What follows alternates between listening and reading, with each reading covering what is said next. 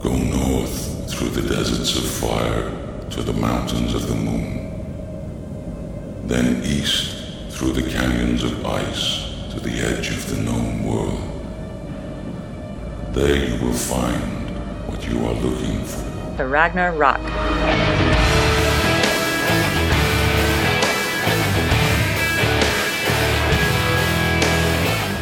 God kvöld og velkommen til Ragnarok og tvar tøymar vi rødtje og tungmål med. Trudja samrubor av skronni og i kvöld. Fyrst tåsa vid vi svenska gitarlagaran Martin Kronlund som hever tidsjesti til nutja hardrockbølgen King's Crown. Vi prata om debutgave Torra, Close to the Truth, som var utgiven i oktober. Så gjerne tås har vi vi Soro Kok og René Boxham ur hollandska bøtjen om Blackbriar, som er aktueller vi er og utgav og gjerne Tria samrøvan er vi Gillian Ray ur amerikanska bøtjen om Third Secret. Ein bøkker hon mannar saman vi Limon ur Pearl Jam, Soundgarden og Nirvana. Ein særligere gestor kjemmer òsni oppi samrøvena vi Gillian Ray. Velkommen til Tvartumar vi King's Crown, Blackbriar og Third Secret. Velkommen til Ragnarok. Mitt namn är Martin Kronlund eh, från bandet King's Crown. Ni lyssnar på Ragnarok. Kings Crown er nutje balkur svenske gitarleikaren og framleikaren Martin Kronlund hevet tidsi sti til. At rætsær hever han finnje breska sankaran Lee Small og landsmennenar tromosloaran Pontus Engborg, basløygaran Berra Holgren og ljomborløygaran Anders Skog. Kings Crown kom 13. oktober vid debututgave syne Closer to the Truth. Og i hesson samband i hau vid finnje åri av stånaran Martin Kronlund. Kronlund er en ekvelia røyntur, tånleggare og framleggare som hever lotidig av iver hundra ugavon. Oj, den är lång. Den är väldigt lång. Man kan väl säga som så här att det började med ett band eh, som heter Gypsy Rose. Eh, det var redan på 80-talet. Och eh, sedan blev det ett band som heter Dogface med Mats Levén och eh, sedan spelar vi in en platta med Brian Robertson från eh, Thin Lizzy eh, med Mats Löfven på sång. Och efter det så blev det bara ringa på vatten. Sweden Rock Magazine de eh, intervjuade mig för ett tag sedan och hade rotat fram att ja, jag har tydligen spelat på över 100 skivor nu. Wow. Ja, och det är allt från fenomena och där är jag med på ett par plattor och sen har jag spelat med Michael Mechanics, eh, Genesis-gubbarna, spelat gitarr och eh, varit med och producerat och jag mixar ju och sånt rätt mycket också. Ja, det har blivit väldigt många kan jag säga.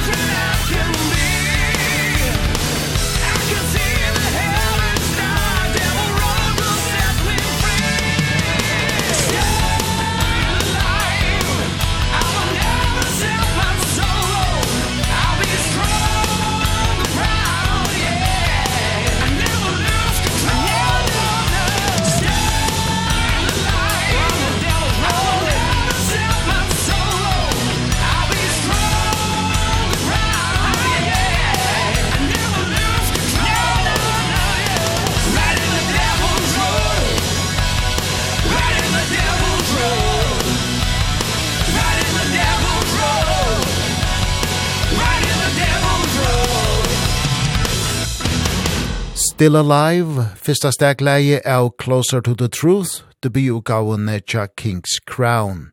Ein utgava møvløyke vera at okna ser 13. oktober. Hoskåte til King's Crown fekk Martin Kronlund fyrir nøknaren sujane og i sommarhuset søgnon og i Spania. Jeg satt nere i Spanien, i stället som vi har där, och kände för att gå ifrån lite grann det här helt vanliga idag. Ja, du vet med en gitarrvägg och eh, massa syntar och hela den biten. Jag kände för att göra en skiva med bara ja, gå tillbaka lite till 70-talet fast med en modern produktion. Så att det blev eh, en gitarr och Hammond, trummebas och sång.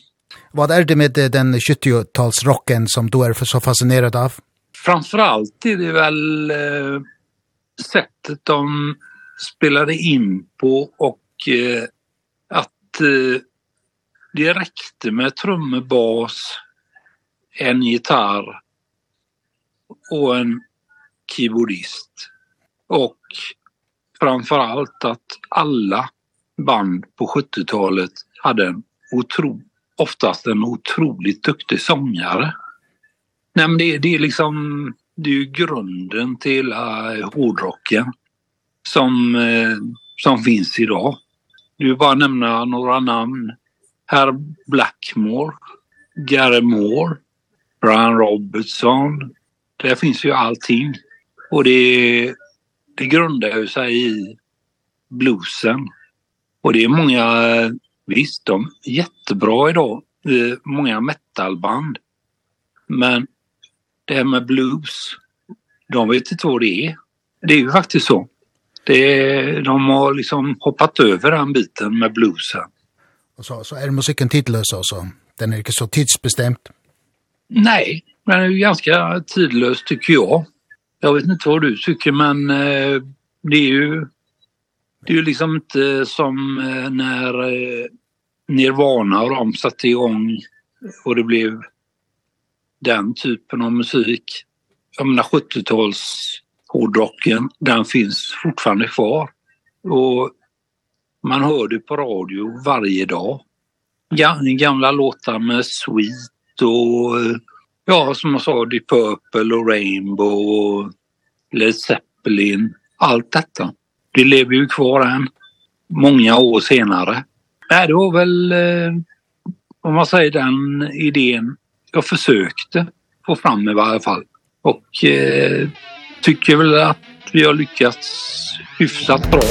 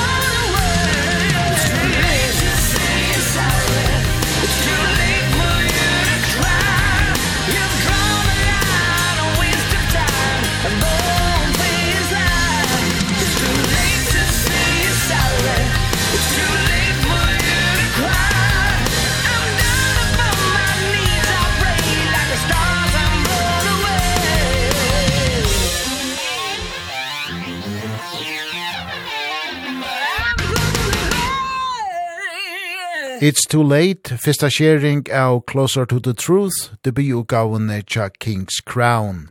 En utgava som var tøk 13. oktober. Ta Martin Kronlund heia og gjørta ståna King's Crown foran alt fyrir ått ut at finna en sankara til bøltjen. Og vele fadla breska Lee Small som han framanundan heia arbeidssaman vi og i verskatlanene fenomena. Jag och Liv har ju jobbat ihop innan eh, innan den här skivan. Mm. Så att eh, jag har ju varit med lite grann på hans soloskiva och sedan har vi ju jobbat ihop i fenomen också och lärt känna varandra. Så att eh, för mig var det ett otroligt enkelt val för jag vi hade pratat om detta i flera år att vi skulle göra en skiva tillsammans. Han är för mig måste jag säga, en bland de bättre sångarna man kan hitta. Han är helt fantastisk, tycker jag. Och sen är han lika fantastisk som människa också. Så att vi har alltid kommit jättebra överens och har roligt när vi gör saker. Och jag tycker han, jag tycker han sjunger otroligt bra på den här skivan faktiskt. Det kändes eh, otroligt roligt att vi äntligen gjorde en skiva ihop. Och det är inget projekt utan eh, nej, det blir ett band. Och vi har pratat om att ut och spela.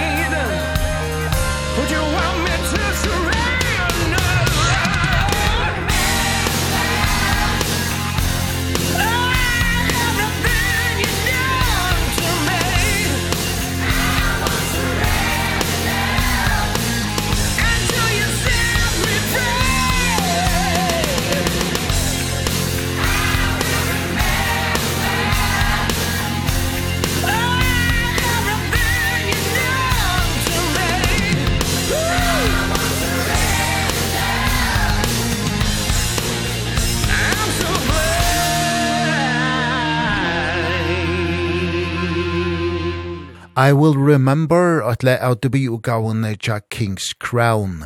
Closer to the Truth var utgiven 13. oktober. Vi tar og i kvöld vi Martin Kronlund, stånaren av just King's Crown.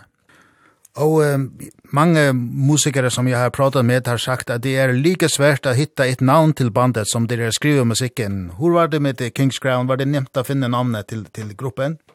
Jag kan ju säga som så att det här året är inte många som vet detta men eh, första namnförslaget och detta var precis innan pandemin kom. Och som sagt, jag satt nere i Spanien och eh, jag vet ju Kronlund i efternamn. Så att vårat hus nere i Spanien så hade vi en eh, smed som hade gjort en eh, snygg grej med Casa i krona på spanska heter ju Corona. Så att första namnet på det här bandet var faktiskt Corona. Men det fick vi ju ta bort ganska snabbt när pandemin kom. Så blev det King's Crown istället. Och eh, jag vet att det finns ett band som heter King Crown Men jag har haft kontakt med dem. Så att vi är, vi är överens.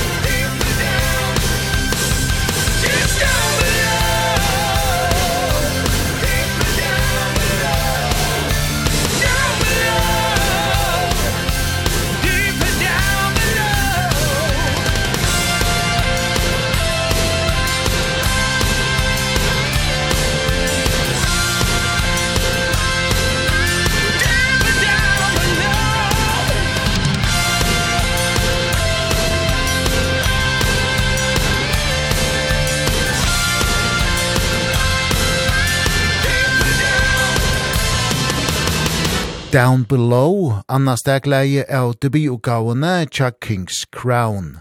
Closer to the Truth var utgiven 13. oktober. Det er stånaren Martin Kronlund som øyne stendte fire framlagslene av Closer to the Truth.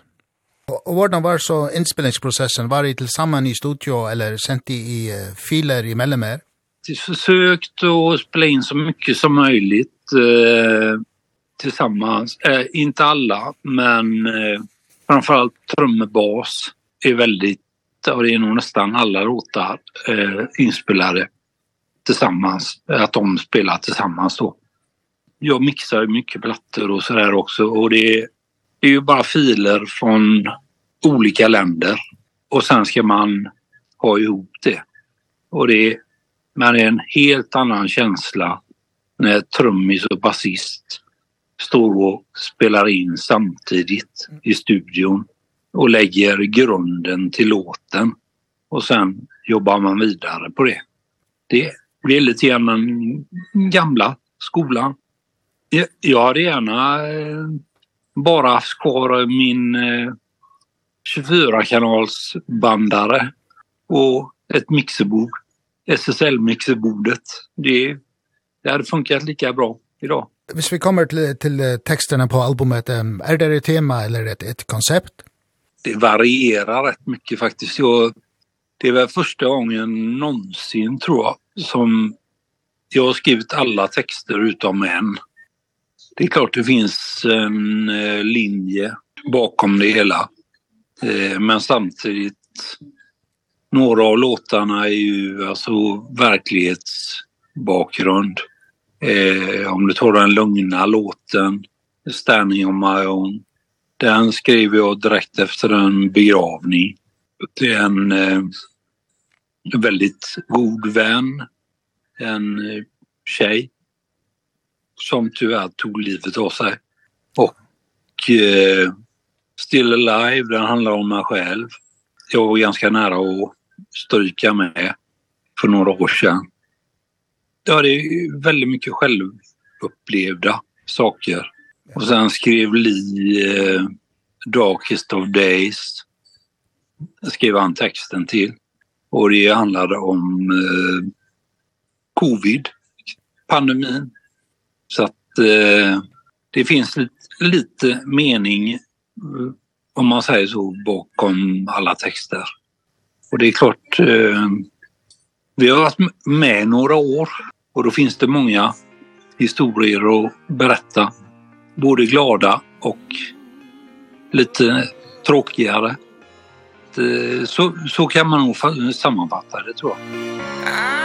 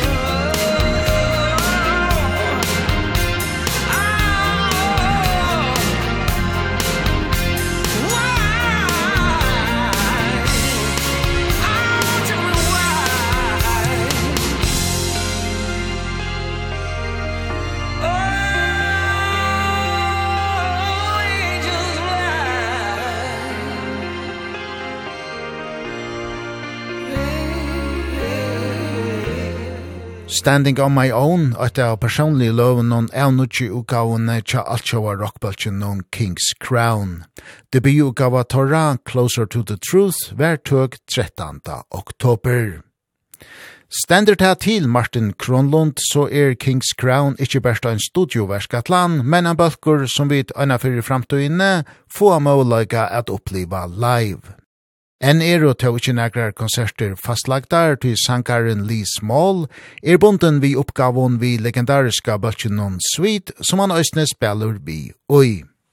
Ja, nu har Lee, han har fullt upp eh, hela hösten med Sweet. Så att de kör varje fredag, lördag, hela vägen fram till jul. Så att eh, det är lite svårt att få ihop det nu. Men nej, nej, vi har pratat om våren och försöka ge oss ut lite grann. Och jag, nej, det var väldigt bra kontakter med Sweden Rock och Vacken och vi har spelat på de, alla de här festivalerna innan.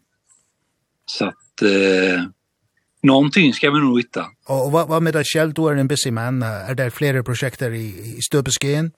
som det är nu så är det ju Kings Crown men håller även på och skriver låtar för fullt till en Gypsy Rose-platta till faktiskt. Men eh, annars så har jag liksom bestämt mig lite grann för att eh, jag vill hålla mig med de om man säger egna banden för att eh, det har blivit så fruktansvärt mycket eh, olika som man har varit med på. Jag vill faktiskt inte göra det längre. Jag vill satsa på det som ligger den närmast om hjärtat.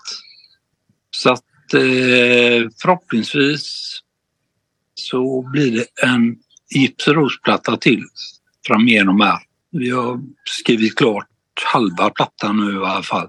Ja, och sen eh, jag och Li har redan pratat om ytterligare en Kings Crown för nästa år. Då.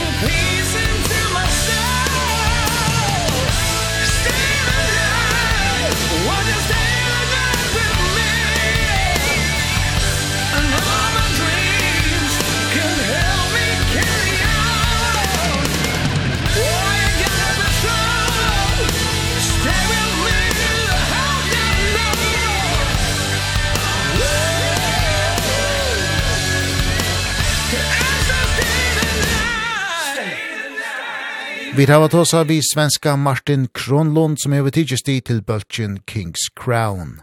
Vi tåsa vå om nutje uka av torra Closer to the Truth som var tøk 13. oktober. Vi spalt du eisne fleste løyen i av oss fyrste røntene tja King's Crown og nu til seinast hårdu vid leie Stay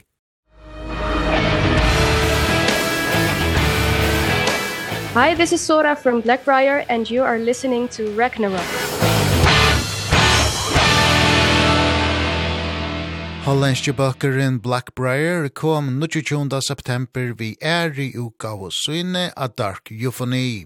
Og i som samband i her vet finnes åri av tvoira Limonon, åtta kvinnorna Soro Kokk og tromoslovaren Rinne Boksem. De bæg var røysene vi til stående bølgen ur Asen i 2012. Well, actually, me and Renee uh, went to a concert uh, of Slash one day, and the band Hailstorm uh, supported them and I was so impressed that I said to Renee, "Oh, I want to do something like this." Because we were making music before, but it was like more like a dark pop kind of style, so completely different. And that really changed our direction and we started uh uh trying to search for band members right away. so actually we we first made similar music to that like more hard rock kind of style which really didn't fit me and my voice. But it was what we were inspired by so that's why we uh, and eventually it evolved into what we are doing now luckily which which I think uh, fits us perfectly. It's the symphonic metal uh, gothic kind of style.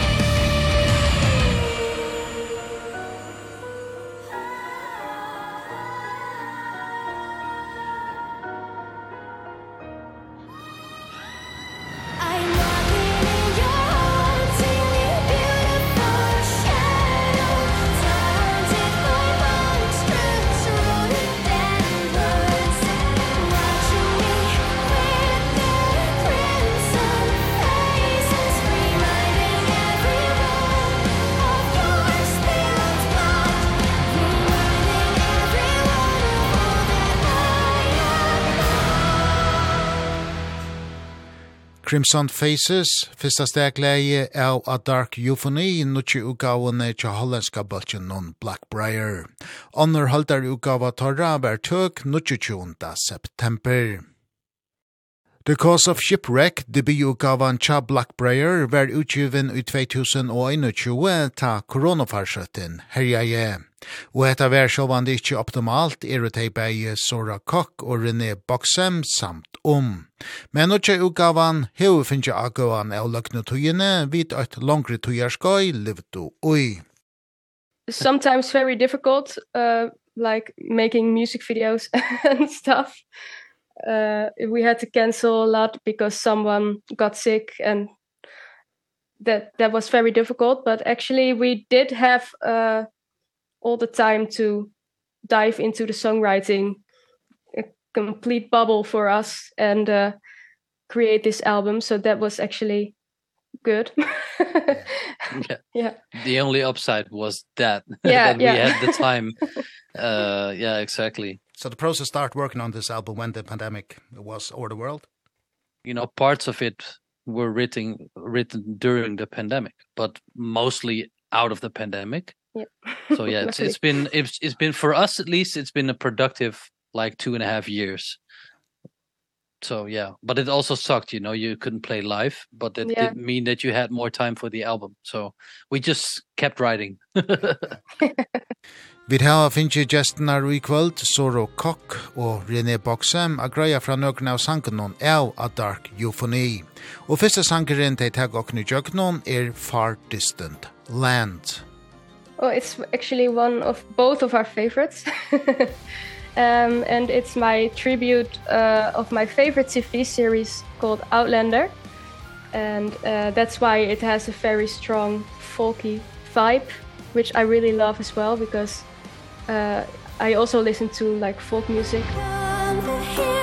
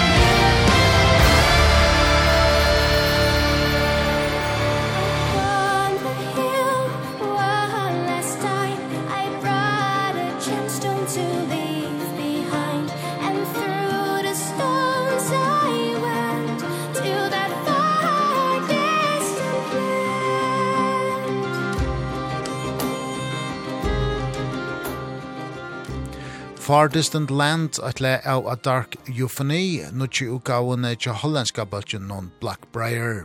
Onner utgava torra var tøk, nutje 20. september. Vi tar så i kvöld vi Soro Kokk og René Boxem, tvara limenon ur just Blackbriar. And, and how, how is the writing process? Are you sitting together or are you sending ideas between you? No, we are completely alone. it starts uh, mostly with me uh with the writing the lyrics. Then i record my vocal ideas a cappella without any music yet. I send it over to Rene and he makes music then based on my vocals yeah. and then and then we go try to make the song whole together. Yeah. yes. And and when we're done with that process we take our song to Joost van den Broek which is our producer and then we work on the song. And and you know we uh, we try to make it better where we can. Yeah. yeah. and you mentioned Joost uh, what do, do we give the music and the sound? Well Joost is like uh, our seventh band member. So he has the overview of the song structure which is sometimes something that we struggle with a little bit. Um and then his most important job is you know uh, orchestrating and arranging so he does all the orchestration all the the you know the vibes that we are so passionate about. That's what Joost tries to bring to life for us. Yeah. yeah. And how how yeah. do you describe him as a producer? I used to record my vocals all alone uh, with the first EP and before that as well. And i thought i could never ever do that uh, with anyone else in the room so a producer or and uh now I can't even imagine doing it alone anymore because it it's amazing to work with him. Otherwise I could continue for days and days on one song because I always think it's not good enough but you can't hear it anymore sometimes so you really need someone who can. exactly. Yeah.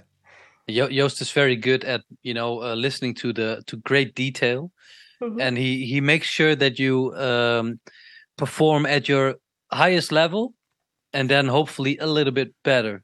So it it takes a long time but you know he has uh, crazy good hearing. So um yeah sometimes you think oh i'm doing 10 times the exact same thing but he somehow hears stuff in your recording whether it's drumming or vocals or guitar it doesn't matter. Uh and then yeah what eventually is there is exactly the way it should be and that's his skill you know that's we would have gone with probably a lot worse recordings Annar sjankerin Sora Kok og René Boxem tek og ni jöknon av a dark euphony nutje ugaven neitja hollandska bultjen om Blackbriar er We Make Mist. That's that's actually a weird one. Yeah. like like one of my favorites actually yeah, yeah, yeah, but, mainly because of the vibe but yeah it has a very unique uh, vibe i think. Yeah i really love it. But um it's uh, sort of about the personification of fire and ice falling in love. And i started imagining what that would look like how that would sound like and how that would smell like like these kind of thoughts. And um so this whole song is a fusion of fire and ice uh, to, uh, yeah combined together and it I think it turned out with a very eerie sound which I I uh, intended to in the first place.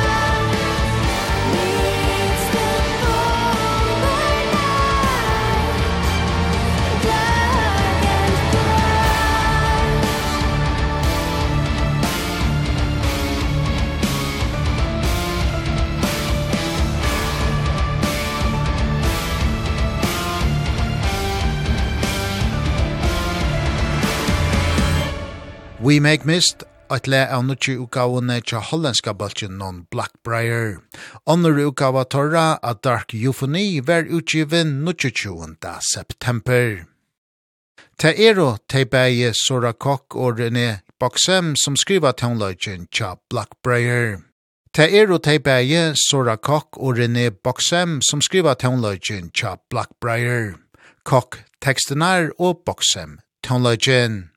And and when you write music, uh, what is inspiring you when you write music? For me, uh, lyric wise, it can be anything uh, that uh, my personal life, of course, and I get inspired by myths and folklore a lot. Books, series, like it it can be anything. yeah, for for the music itself, you know, like Sora mentioned, I'm I'm writing music to her vocals. So I'm mainly inspired by Sora's vocals and of course you know there's a lot of metal music that that we listen to to enjoy music. Uh but usually it's it's quite literally inspired by what we hear from Sora. So uh yeah in in those regards I could say that I'm inspired by Sora to make the music to write the music. Uh yeah it's it's funny. It's a funny pro uh, process. Yeah. yeah. and if it comes to the lyrics on the new album are there a team or, or a concept? No no we have never done that so far. I like to write whatever comes to mind without uh, binding myself to a concept, but I would love to do it in the future, but for this one it's all separate songs. Ein ballata er vi a, a dark euphony, nemlig a The Evergreen and the Weeping Tree, og i blåsteren til teksten fikk Sora Kock ein det hun vitsa ein kyrkjegær. Yeah, that's our uh, only uh, ballad on the album, and um, I was walking on a graveyard one day in my hometown and I came across like a very beautiful tree.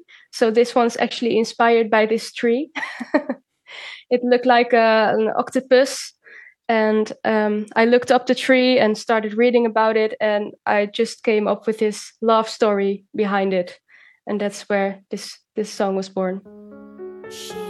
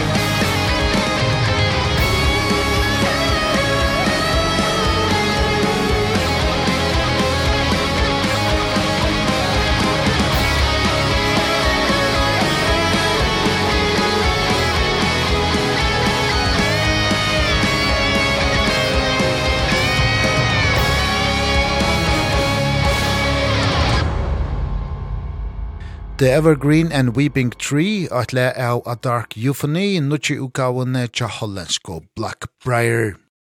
Høyde til utgavene A Dark Euphony hever sankarin Sora Kok funni ur øynene av stakløvenon, Sikada. I think we had like other titles in mind as well and ended up yeah, like, it, okay, this is the one, because it just really um, fits all the songs. Like, it's dark, but has beautiful melodies and yeah it felt perfect to us. And it's also a little bit inspired um of one of the songs Cicada it's a little bit in the lyrics.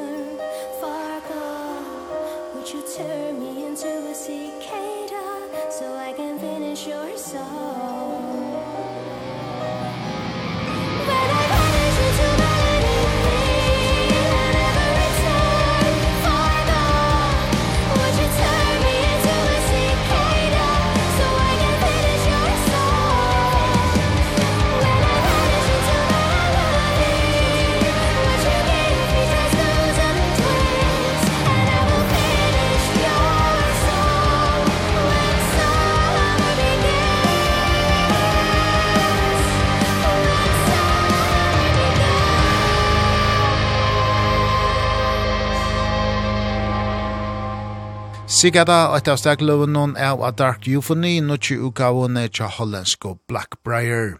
Andre utgava torra var tøk, nutje 20. september. And, and if you look at the new album and your uh, debut album, can you see any difference uh, musically? Well, we actually wrote in a very similar way to our previous album, our debut album. So we did we intentionally we did not change anything in that regards. Uh, um but obviously there's changes in in terms of you know us seeking the limit uh, us you know exploring different kinds of inspirations for the music. Uh you know this uh, new album also has some folky stuff. It has some uh yeah i don't know how to call it but it is some songs are very dark the others sound very happy and so it, it's it's a high contrast album if you ask me and you know we we did everything that felt good to us to explore certain parts but in terms of songwriting it's quite similar to our previous album. Yeah. don't change a winning team. No, no that's it. and now the album will be released. Uh, what happening next for the band? Are you going on tour or? Yes, we are uh, going on tour this fall, uh, starting on, I want to say, the 26th of September uh, with uh, at Infinitum. So it's a co-headline tour with them. And uh, Phantom Elite will play support for those uh, shows. And uh, it's something that we're massively looking forward to, definitely, uh, because we will play shows without the music being released yet. So people that are going to attend those shows will have never heard those songs, which is going to be extremely weird for us, um, especially for Zora, uh, and you know, trying to Yeah, I'm I'm really vibe. looking forward to it. yeah. yeah. Yeah, it's it's going to be funny. The first two days at least people will have hear music that they've never heard before. Um and then um uh it, it's going to be the Netherlands, Germany and Switzerland if I'm correct. Yeah so it's not the a full European tour as we imagined it would be but uh hopefully we'll be able to add more shows to it later on. Uh but yeah, that's what we will do throughout the end of this year and then uh early next year uh, we're probably back to writing again. Sanaste sankeren Tebeje Sora Kok og René Boxem greia fra om av A Dark Euphony er nutjasta stegleie Forever and a Day that will actually be uh our last single. it will be released before the album still. And it's uh, also inspired by uh, a series called Poldark, a little bit in the same uh, vibe as Shower. Outlander. yeah. Yeah. And um but it it ended up having a bit of a different meaning to me personally. Um I see it as a sort of uh, continuation to our song uh, Mortal Remains, which is on our latest uh, last EP. You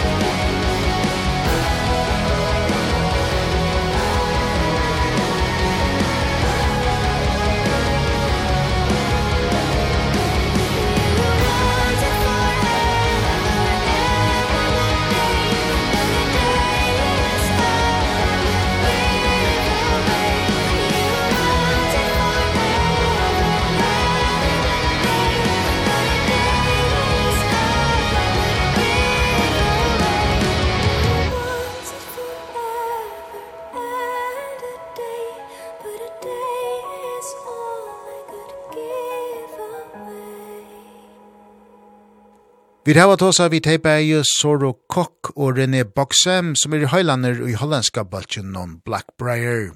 Vi tar oss av om nukki uka av torra Dark Euphony, som var utgiven nukki 20. september. Kokk og Boksem grødde jo eisne fra nøkken av loven og avvis i er i uka av en tja Blackbriar, og nå til søgnast tåket teg okkene jøkken om nutjasta stegleie Forever and a Day. Forever and a Day. This is Jillian from Third Secret, and you're listening to Ragnar Rock. Third Secret er nutjur superbalkur ur Seattle, mannavur vi limon ur Pearl Jam, Soundgarden, Nirvana, White og Giants in the Trees. Tromosloare er Matt Cameron ur Pearl Jam og Soundgarden, Gitarleikarar er Kim Tayhill, som vi kjenner ur Soundgarden, og John Baba Dupree ur Butchenon White. Bassleikari er Krist Novoselic ur Nirvana, og sannaste tvår limener er og sangarner Jennifer Johnson og Gillian Ray, som saman vi Krist Novoselic har vi vi i Butchenon Giants in the Trees. Third Secret hever let your hand on tver utgavor, sjålnant og debi utgavene i fjør, og så The Second Third Secret fyr ui år. Og i hesson sambandi her vi finnes jo åri av Gillian Ray til å prate om Third Secret, og mian samrøvan køyrer kjemur særligere gester oppi samrøvana. Fyrst byrja vi sjålvande Gillian om opprunan til Third Secret. Yes, Third Secret, how did it emerge? I think it kind of started with Christ. He was um playing a lot of acoustic guitar and he showed me some of the pieces that um he was playing and I was really inspired and so I started writing vocal melodies. And there's also something else that happened. I think he came across some old tapes of some old jams with him and the guys uh playing. And so they were reuniting on that level also. And I think the third seed was there was an Alice in Chains tribute at the Mopop in Seattle here. And so Jennifer and I and Kim and Chris played the song Drone. So I think the amalgam of all those things kind of yeah, planted a nice beautiful sound garden, a beautiful I had to. but yeah, it's just we're having so much fun writing together. And what about the other members? How did you get in contact with them and um... Sure. Yeah, Jennifer, I knew Jennifer from um some pre previous folk projects that we had, and that's kind of where the rich harmonies come in. Uh and that's definitely yeah, her talent and expertise. And um you know, Chris, Matt and uh Kim and Bubba, they all just have known each other for so long. And so yeah, it's beautiful to be brought into that and be able to play with all these amazing musicians.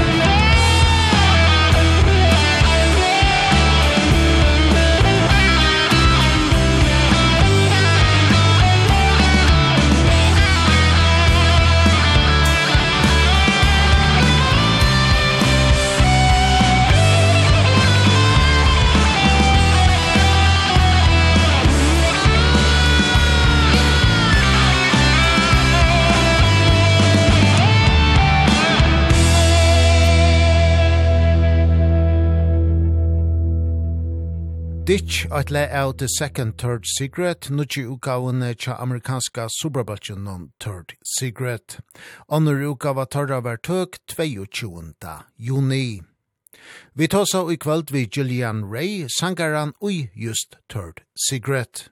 It was was it a plan from from the beginning that you should uh, record new music? I love that question because I think in the beginning it was really kind of like, oh, let's just do some jams or just the excitement of getting together and feeling that, you know, energy and synergy of of writing together and then we're like, hey, this sounds pretty cool. Maybe we should like record a few of these and then the album started building and we released the first record and then yeah, the inspiration was just still going and I think it's still there the flame is still burning. as far as the direction everything's very organic. I mean i think the sound that you're hearing like from kim's guitars or the way matt's playing drums or chris it's like this is a part of who they are and you can hear that sound layered throughout all their different projects. And i think you know it's the same thing with jen and i. I tend to go for like um a you know a lot of low end maybe a more moody vocal maybe something deeper and emotional but i'm not necessarily trying to be like oh i'm going to make it sound like this. Um and then I've been having fun too cuz like Matt he wrote um like Feel Her Disease like he wrote that song on the last record and then so I got the opportunity to sing in a way that maybe I wouldn't normally sing like more peppy and like go go and so yeah it's been really it's fun and it's yeah it's always open to like where the song wants to go and everyone is there to serve the song. And so yeah the different elements will come in according to like maybe the mood and feel of where the song is going there are uh, some very experienced musicians in the band. Uh, did you learn do you learn a lot being with these musicians? Yes, I um I am definitely a student of life and a student of these amazing uh people that I'm playing with and yeah, watching them and yeah, I'm basically just lucky to be in that environment because yeah, I'm soaking up everything like a sponge, you know. I'm just learning the business um and then yeah, just the musicianship as well just inspired by that all the time yeah, yeah. Yeah. And your and your debut album was uh, well well received and, and got the good reviews. Uh, what were you surprised about? Yeah, it's really interesting, you know, this day and age as far as what we're doing just the internet streaming instead of releasing like through a label through a physical copy. And so I would say like I don't really have a lot of feedback on what people think, which is very interesting, except for kind of like what you're saying, various reviews or whatever I've come across. I think because we, you know, who we're the type of music and like the legacy of what we're playing, there's definitely like an expectation of maybe what the sound is going to be.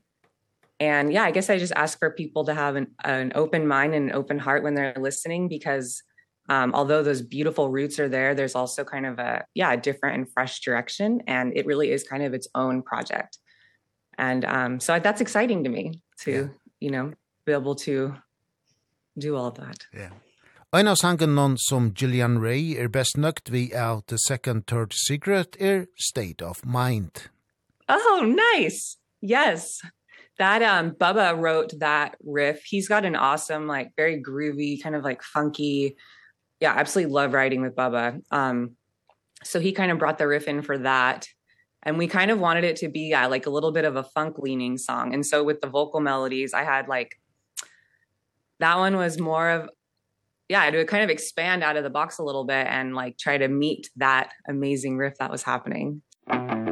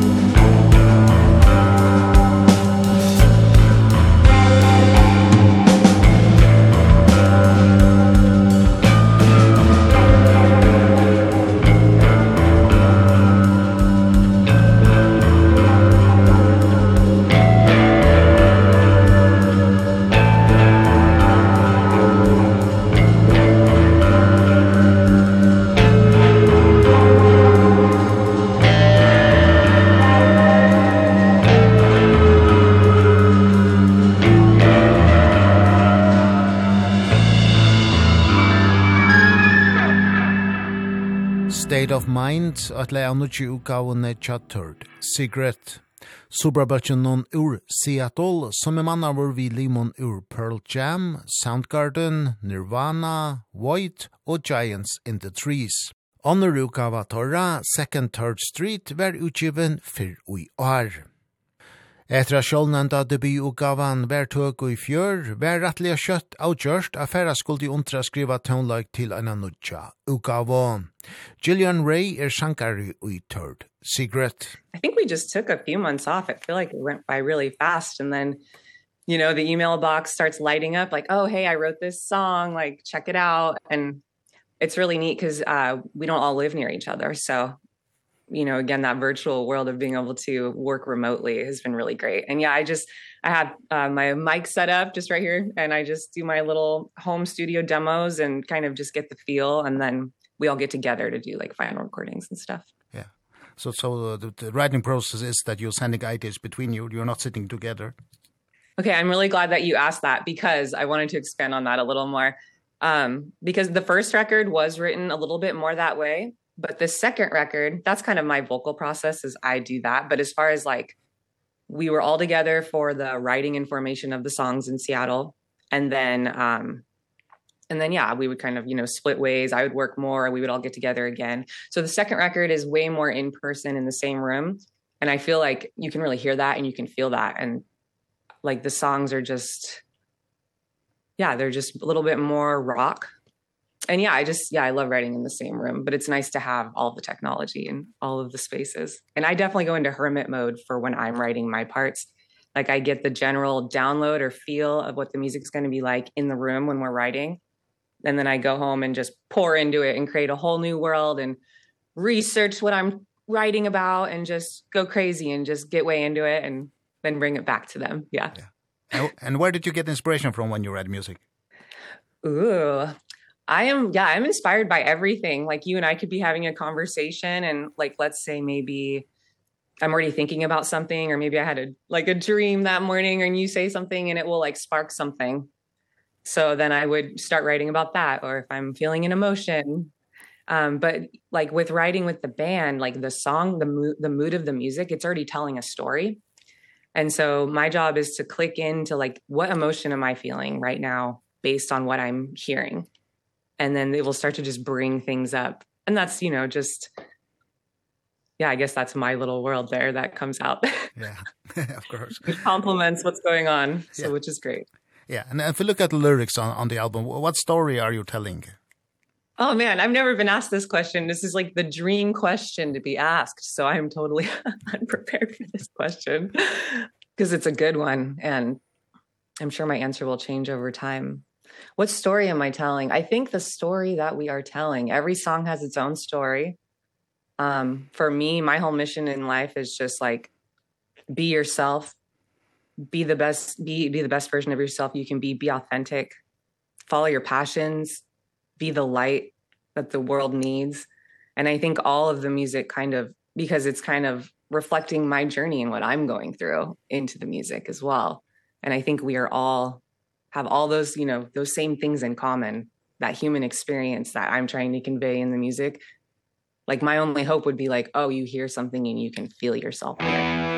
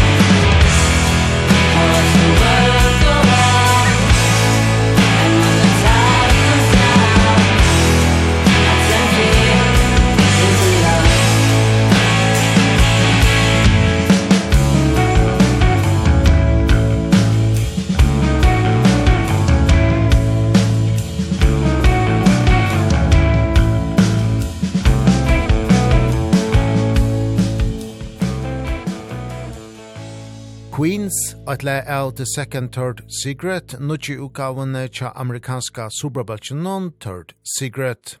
Andre utgava tarra ver tøk 22. juni. Største måneren av første røntene og SIR-utgavene er at det høyrest at håndlagarner er og møyre sammenspalter, og til er sjangaren Julian Ray og samt ui. Yes, I think that is that's it right there is you can feel the you can feel the connection and the vibe and like as I get to know the way they play um and it's like you can just feel and like yeah we're all getting to know each other's styles better and everybody's like starting to blend more together and become like the one band mutant where it's like all these it's like one band many people and one but it's like one entity one unity. And then also just like the first band the first record being more acoustic and then the second one because it was written more separate and it was also during the pandemic so it was just like a different mood.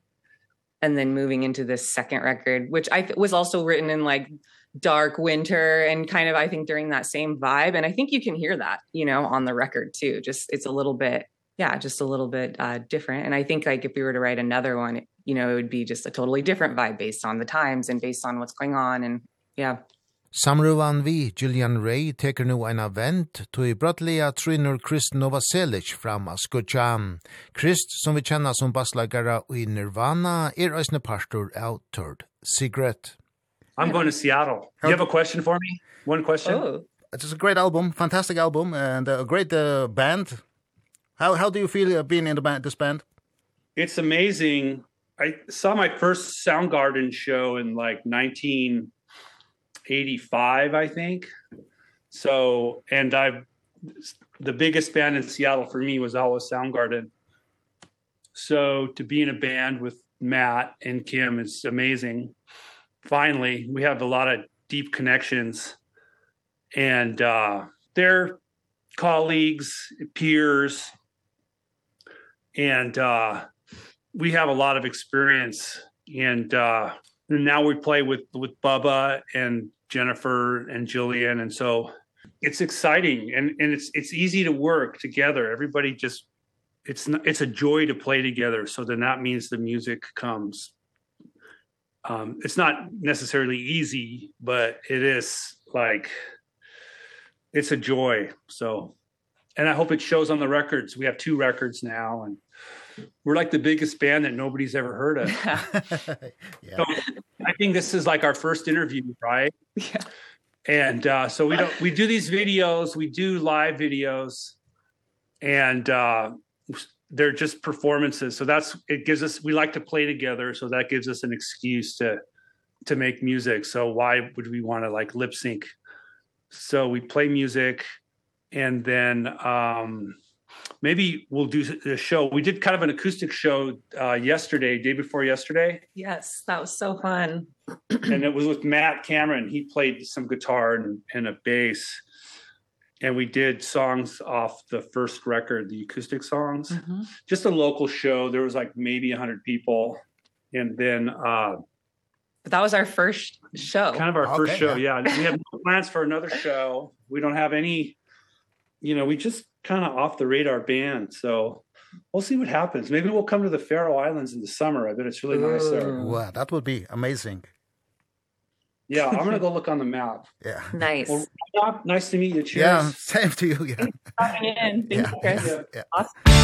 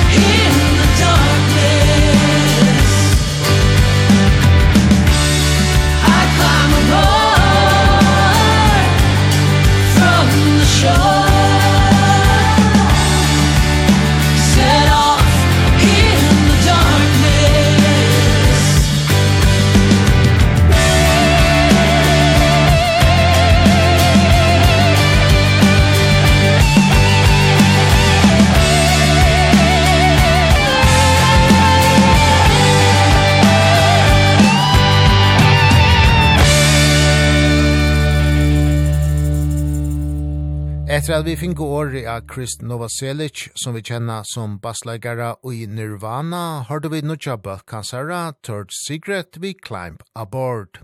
Leier vi av æri utgavene Cha Third Secret, The Second Third Secret, som var utgiven i juni. Hauast flest alle limener ui Third Secret er vi og gjør om verskatlanon og bølkon, så heldur sankaren Gillian Ray er framtøyen særljøs ut fyrir superbølkjen ur Seattle. You are some some uh, busy musicians in several other bands. Uh, how I, high priority do you give a uh, third uh, secret? That's yeah, I think maybe it's probably different for everyone because I mean, I know Matt is like uh touring with uh Pearl Jam. And so like um he's he's more busy but as far you know i think we're all like really excited about the music and what we're creating. And um i think like he's always writing and you know so if he has something that you know will suit our band he'll he'll he'll send it to us no matter how busy he is. So i think the music is always running through through you no matter what you know. Yeah. and they they maybe see it as a free space from the other bands that this band. Yeah exactly. It's kind of when when when our all of our schedules can align then that's where the magic happens. and it does, it happens. So it's all about timing and just kind of yeah, it's like when the next record wants to be written, it it shall be written. yeah. And you said you had your first show yeah, yesterday and um, how do, does the future look for for the band?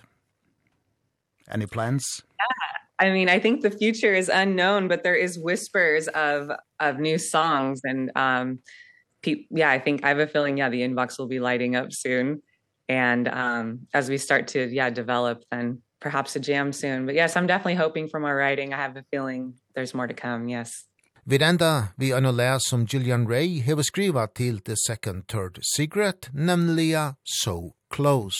Yes, I love that you ask about that song. That's one of my babies. Um and was yeah, very inspired by um kind of co-creating with Chris on that as well, trying to get like that was kind of more into the like punk rock um arena for me. So that was like, new and exciting. And the lyrics on that man I've been we just put the so close video out on YouTube. Um so check that out. And then just yeah trying to be like what is this song about? I think that one's definitely open for interpretation. You could tell there was like a um a lot of like back and forth push and pull energy into that one. Yeah.